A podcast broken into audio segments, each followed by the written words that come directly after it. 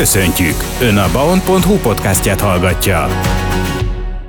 A következő percekben a farsangról fogunk beszélgetni, hiszen tart még a farsang időszak. Vendégünk a Szórakaténusz Játék Múzeum és Műhely osztályvezetője Bognár Gabriella néprajzkutató. Köszöntelek a stúdióban, szia! Szia! A farsang időszak még tart, január 6-án kezdődik, ezt talán már azért könnyen megegyezzük, hiszen vízkereszthez köthető, de azt már én is nehezebben szoktam megjegyezni, hogy meddig tart egy farsang időszak, január 6-ától, és ugye általában ez nem fix dátum a vége. Igen, a farsang vége tulajdonképpen egy mozgó időszak, hiszen a húsvéthoz kötődik. A farsang időszak vízkeresztől tart egészen hambazó szerdáig, ugye a nagy bőt kezdetéig, és mivel a húsvét mozgó ünnep, ezért a bőt kezdete is mindig változik, ezért a vége sosem fix időpont. Ennyit tudunk, hogy hamvazó szerdáig Na tart. de idén mikor van hamvazó szerda? Hát hamvazó szerda idén február 14-én Bálint napján, a ma- mai fiatalok talán a Valentin napjához tudják kötni ezt az időpontot. Mit tudhatunk a farsangról egy kicsit, ha visszatekintünk? Ez egy nagyon-nagyon régi ünnep, mondhatni. Igen, tulajdonképpen ez a tavaszvárásnak az ősi ünnepe volt. Evés, ivás, lakodalmak, szórakozások, disznótorok, jelmezes felvonulások kapcsolódtak ehhez az időszakhoz, és tulajdonképpen pont emiatt is az egyház az ördögöknek az ünnepének tartották, ezért tiltották is, de hát mégis a, a szórakozásnak volt ez a, az időszaka.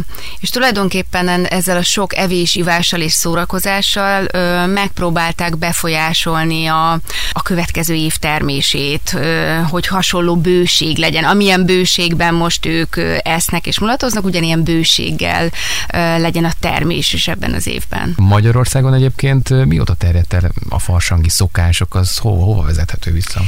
Hát a középkortól már biztos, hogy voltak szokások, amik, amik fennmaradtak. Az biztos, hogy, hogy a farsangi szokások, ugye a farsang, ha belegondolunk, egy elég hosszú időszak. Mégis a farsang végére, amit úgy mondanak, hogy a farsang farka, a legtöbb népszokás erre az időszakra köthető, tehát farsang vasárnap, farsang hétfő és húshagyóked, mert aztán szerdán jön a nagy. Zene után innen folytatjuk a beszélgetést Bognár Gabriellával. Itt van még velünk a Szórakaténusz Játék Múzeum és Műhely osztályvezetője, Bognár Gabriella néprajz kutató, a farsangról beszélgetünk. Milyen hagyományok kötődnek a farsanghoz, kérlek, mesél nekünk erről. Hát itt a farsang farkán, ahogy említettem, sokféle szokás van. Az egyik legfontosabb találom, hogy ilyenkor farsangkor, minden nagyobb ünnepkor, ilyenkor farsangkor is tartanak bálakat. Azt hiszem ez a szokás a mai napig egyébként megmarad, ez a bálaknak a, az időszaka. A paraszti hagyományban ilyenkor ebben az egész időszakban egyébként a párválasztásnak nagyon sok szerepe volt, tehát például a lányok ilyenkor adtak bokrétát a fiúknak, akik a kalapjuk mellé tűzték, és ezzel jelezve az összetartozásukat. Illetve aki ebben az időszakban ugye nem ment férjhez, hiszen mondtam, hogy ebben az időszakban nagyon sok esküvő volt, ilyenkor tartották, hiszen ilyenkor nincs a földeken munka, van rá idő a szórakozásra. Viszont aki nem ment férjhez ilyenkor, vagy nem nősült meg, tehát pártában maradt, azokat ilyenkor tréfásan, vagy kicsit durvában, de figyelmeztették, hogy nősüljenek meg, vagy menjenek férjhez mi hamarabb. Illetve ami nagyon fontos és nagyon jelentős szokások közé tartozik, az pedig a maskarát húzunk, és maskarában felvonulunk a faluban, vagy akár a fonóban, maskarában, akár kis jeleneteket, előadásokat tesznek ilyenkor. Főleg a fiúk. A főleg a fiúk. De ez mennyire jellemző egyébként, vagy ezt, ezt hol tartják még egyébként, vagy van, van ilyen terület akár itt Magyarországon, vagy tudunk arról? Hát amiről én beszélek, ezek nyilván a hagyományos szokások. Természetesen a farsangi időszakban szerintem elmaradhatatlan, hogy, hogy állarcot húzunk, vagy pedig fölöltözünk valamilyen jelmezbe. Tehát azért ez a mai napig megmaradt a szokásnak ez a része. Hozzáteszem, régen azért, amiről beszélünk, ezek fiatal felnőttek és felnőttek ünnepe volt, és ők öltöztek be. Ma már ez inkább a gyerekek szokásává vált, hiszen óvodában, iskolában ott szoktak tartani oh, farsangi így van. bulikat és jelmezes felvonás.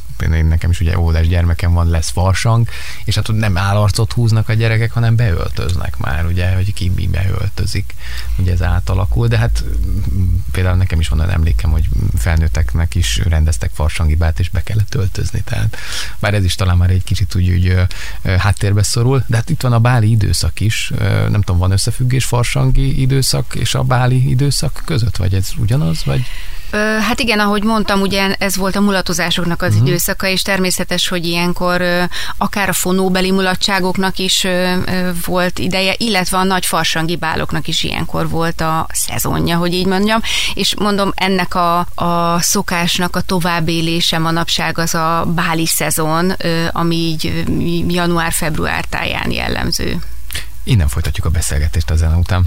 A Szóra Katénusz Játék Múzeum és Műhely osztályvezetője Bognár Gabriella néprajzkutató a vendégünk, a farsangról beszélgetünk, és hát a mulatozás az természetesen adja magát így a farsangi időszakban, na meg az ételekről is beszéljünk, és hát a farsangi fánkról meg nem ejtettünk szót, az is szorosan kapcsolódik ez az időszakhoz. Hát igen, elengedhetetlen tartozik a farsangnak a fánk. Hát régen mágikus elő, erőt is tulajdonítottak ennek a fánknak, például volt, ahol azért is sütötték és ették, hogy ne vigye el a háztetőt a, a vihar, vihar, de mm, egyébként nyilván a bőséget és a mm, finom ételeket jelentette maga a farsang is, és a farsangi ételek is, hisz, mint ahogy említettem, ugye disznótoroknak volt az ideje. Hát természetes, hogy egy disznótorba az ember bőségesen eszik, jó, zsíros, nehéz ételeket, és ahogy az elején már említettem, ez nem volt véletlen, hiszen ezzel próbálták befolyásolni a, az évnek a bőségét és a, a bőtermést is. És bocsánat, ebben az időszakban, ha már tényleg ilyen sokat teszünk, hogy van az a bizonyos torkos csütörtök, az is így a farsang időszakban szokott lenni? Igen, ez is a farsang farkához tartozik, ezt a népnyelv kövér vagy zabáló csütörtöknek hívta egyébként. Nyilván itt az volt a lényeg, hogy minél zsírosabb ételeket egyenek, abban a hitben például, hogy a disznók is jobban hízzanak majd, és hát ennek az volt a lényege, hogy, hogy, hogy jól lakjanak, és egyébként ugye a farsang végére ugye el kellett fogyni a rengeteg ételnek, és ennek a, a zsíros ételeknek azt is mondták ilyenkor, hogy inkább a has fakadjon, mint sem, hogy kicsi morzsa is megmaradjon, tehát nem maradjon semmi a nagy bőjt idejére, hiszen a bőjtben nem lehetett sem zsíros ételeket enni, sem húsos ételeket enni, tehát ilyenkor kellett kielvezni, ami van.